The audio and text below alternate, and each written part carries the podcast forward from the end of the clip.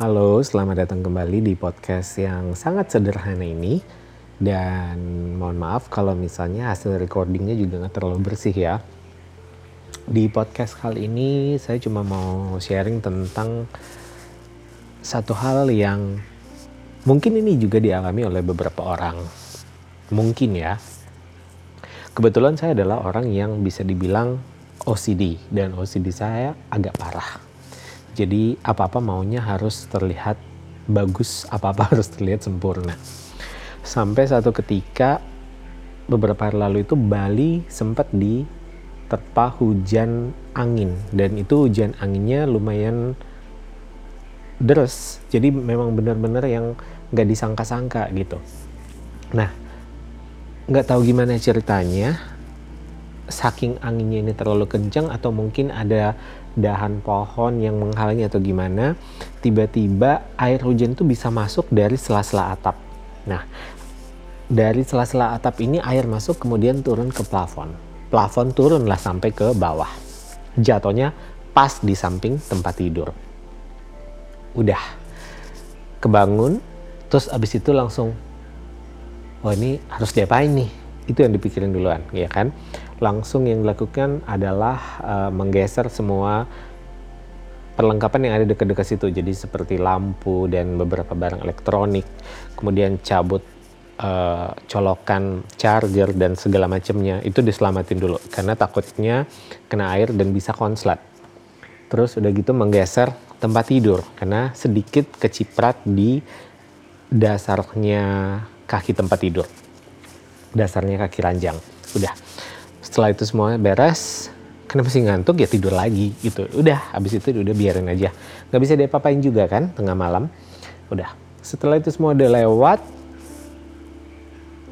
namanya juga orang OCD sebentar-sebentar saya ngecek sebentar-sebentar saya ngecek. Besokannya saya cek lagi. Oh kalau hujan deras tapi kalau misalnya nggak ada angin nggak masuk. Berarti ini bukan bocor tapi memang ada sela yang mungkin bisa dimasuki air pada waktu hujan angin yang terlalu keras itu dan airnya memang lumayan banyak sampai akhirnya dia sampai di bawah, tembus sampai ke bawah.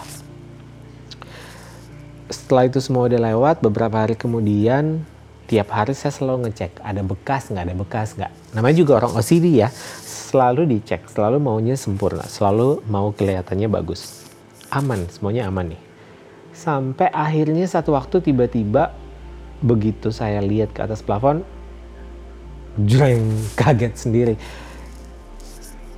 Itu benar-benar bikin saya shock karena di plafon ternyata sudah ada bekas sudah ada tanda bahwa ini tuh bekas air yang yang nggak bisa dibilang ringan gitu loh.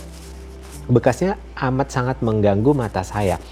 Sebenarnya gini sekilas nggak terlalu kelihatan karena kalau dari segi warna nggak ada beda dengan warna plafon. Tapi karena dia ada tekstur jadi kelihatan. Nah, cuman buat orang awam mungkin yang tidak memperhatikan banget area itu, ya mereka nggak akan sadar. Tapi karena saya tahu dan saya memang sekali lagi saya adalah orang yang OCD, saya tahu ada bekas air di situ. Jadi kayak, aduh ini pasti bekas deh, Dan akhirnya beneran.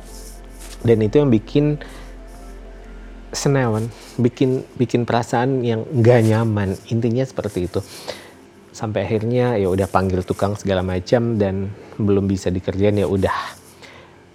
Di bawah uh, titik kerusakan plafon itu ada lampu. Dan cahayanya itu yang bikin kalau malam bikin memperjelas uh, titik plafon yang agak rusak karena air ini gitu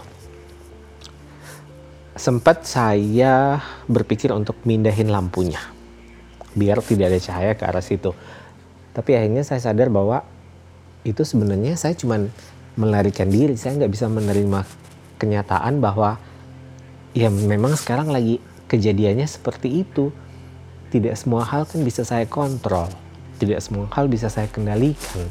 Apalagi ini alam, hujan angin bukan sesuatu yang bisa kita kontrol. Arah anginnya mau ke mana arah hujannya seperti apa sederas apa uh, hujannya sekencang apa anginnya kan kita juga nggak bisa kontrol ya kan?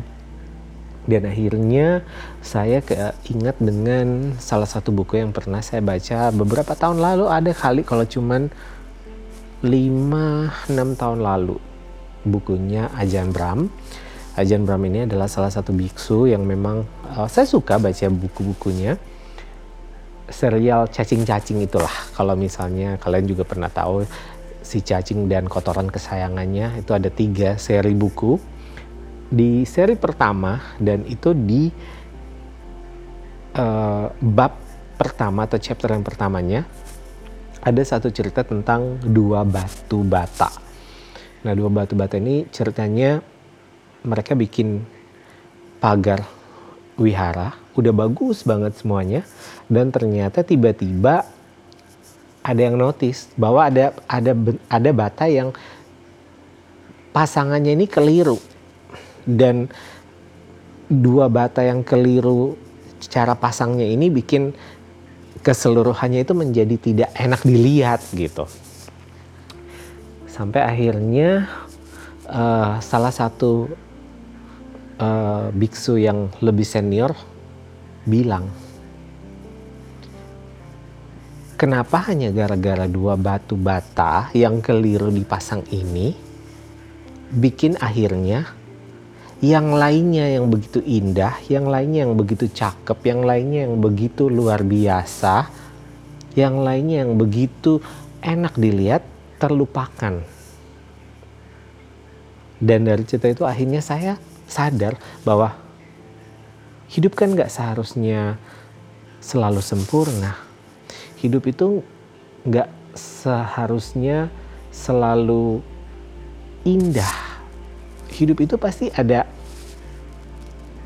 kadang-kadang ya memang ada hal-hal yang yang memang kita nggak bisa kendalikan, nggak bisa kita kontrol gitu.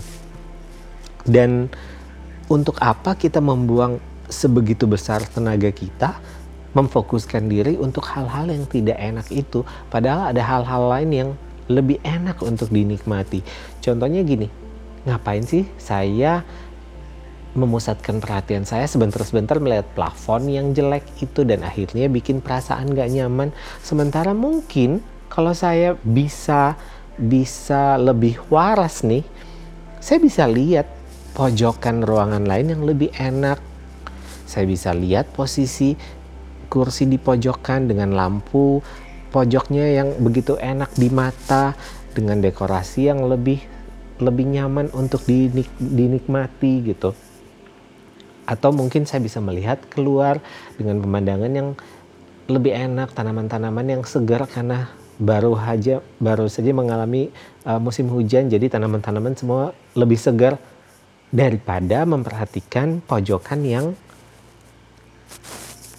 mengalami kerusakan karena hujan angin tadi dan itu di plafon itu yang pertama dan yang kedua dari kejadian ini saya juga belajar bahwa jangan selalu lihat ke atas. Lihat aja dulu sekelilingnya. Lihat ke atas terus, kadang-kadang bikin hidup kita nggak nyaman. kalau secara harafiahnya adalah kalau lihat ke atas terus, pegal sendiri. Yang dilihat tuh, tuh plafon yang bermasalah. Sementara bagian plafon yang lain sebenarnya baik-baik aja bagian rumah yang lain sih aman-aman aja. Ngapain hanya karena hal kecil ini terus kita jadi kepikiran dan bikin kita nggak nyaman. Itu juga kita nggak bisa servis sendiri, kita nggak bisa perbaiki sendiri. Ya udah tunggu aja nanti tukangnya datang, teknisi datang biar mereka yang benerin gitu. Tapi ya memang kalau dipikir-pikir ya kita memang sering sekali mempermasalahkan hal kecil yang tidak sesuai yang tidak sejalan dengan apa yang kita mau sampai kadang-kadang kita melupakan hal-hal besar lainnya yang seharusnya kita bisa nikmati. Dan dari kejadian ini saya seperti diingatkan kembali bahwa masih banyak hal lain yang bisa dinikmati kok. Masih banyak hal lain yang indah untuk kita lihat nggak nggak nggak nggak usah terlalu memfokuskan diri sama sesuatu yang lagi mengalami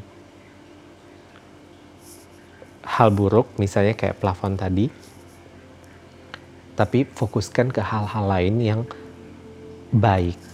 Fokuskan ke hal-hal lain yang lebih positif. Fokuskan ke hal-hal yang lebih menyenangkan. Dan itu salah satu cara juga untuk membuat kesehatan mental kita akan jauh lebih baik.